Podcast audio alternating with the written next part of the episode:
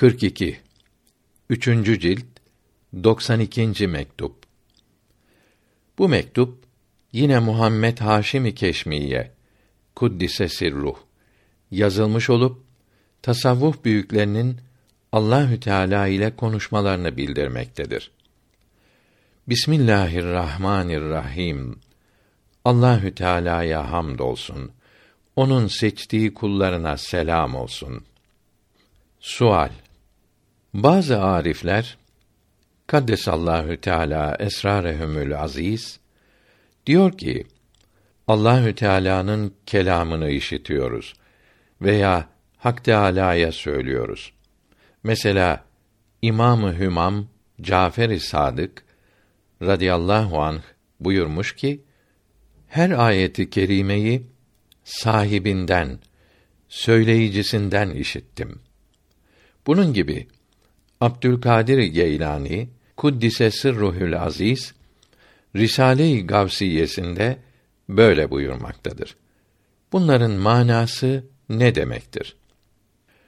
Cevap Hak Teâlâ'nın kelamı zatı gibi ve diğer sıfatları gibi biçun ve biçigûnedir.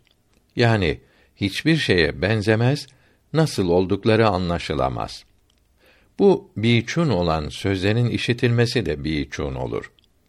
Çünkü çun olan anlaşılabilen biçunu bilemez. O halde o sözü işitmek kulak ile, hava dalgaları, sinir sistemi ile olmaz. Çünkü bunların hepsi çundur. İnsan bu sözü işitirse ancak ruhunun alması ile işitir. Çünkü ruh oldukça biçundur. Harf ve kelimeler olmaksızın duyulur. İnsanın ona söylemesi de ruh iledir ve harfsiz ve kelimesizdir. Bu sözler de oldukça biçundur. Çünkü biçun olan işitmektedir.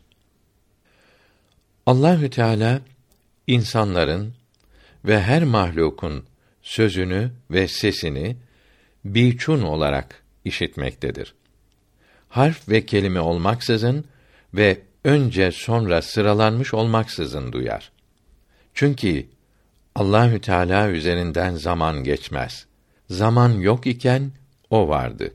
Zamanı sonradan yarattı. İnsan o kelamı işitiyorsa her zerresiyle, bütün varlığıyla duyar. Eğer söylüyorsa bütün varlığı söyleyicidir. Her şeyi kulaktır. Her şeyi ağızdır. Misak günü çıkarılan zerreler elestü bir rabbiküm sualini arada hava, kulak zarı, sinirler gibi hiçbir şey olmadan bütün varlıklarıyla duydular. Bütün varlıklarıyla bela, evet dediler. Bütün kulak idiler. Bütün ağız idiler. Çünkü kulak ağızdan ayrı olsaydı işitmek ve söylemek biçun olmazdı. Biçun ile konuşulmuş olmazdı. Mısra Sultanın eşyasını ancak kendi hayvanları taşır. Ruh ile alınan mana insanın hayalinde harfler ve kelimeler şekline girer. İnsanın hayali alemi kebirdeki alemi misale benzer. Burada harf ve kelime şekline girince kulak ile işitilmiş gibi olur. Çünkü her mananın o alemde bir sureti, görünüşü vardır. Mana biçun olsa bile sureti vardır. Fakat orada çun suretinde görünerek anlaşılabilir. Salik hayalinde sıraya dizilmiş harfleri ve kelimeleri bulunca bu harfler ve kelimeler asıldan geldi sanır. Bunları oradan işittim der. Bu harflerin ve kelimelerin ruhun aldığı manaların hayaldeki suretleri olduğunu ve işitmenin ve işitilen kelamı lafzinin biçun olan işitmenin ve biçun olan kelamın timsali sureti olduğunu anlayamaz. Marifeti tam olan bir arif her mertebenin hükmünü birbirinden ayırır, birbiriyle karıştırmaz. Görülüyor ki biçun olan mertebenin kelamı ve bunun işitilmesi ruha bildirilmesi ve ruhun alması demektir. Ruha gelen manaları gösteren kelimeler ve harfler ise bu manaların alemi misal gibi olan hayaldeki suretleridir. Bazıları harfleri ve kelimeleri Allahü Teala'dan işitiyoruz sandı. Böyle zannedenler iki türlüdür. Birincileri bu harfler ve kelimeler hadis, mahluk olup ebedi olan kelamı nefsiyi bildiriyor diyorlar.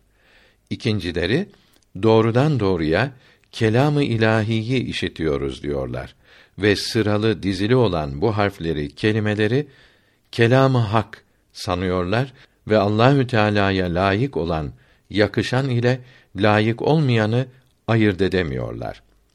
Bunlardan birincileri daha iyidir. İkincileri ise cahil, bozuk kimselerdir. Allahü Teala insanların en iyisine ve onun temiz olan aline ve hesabına selamet versin. Amin.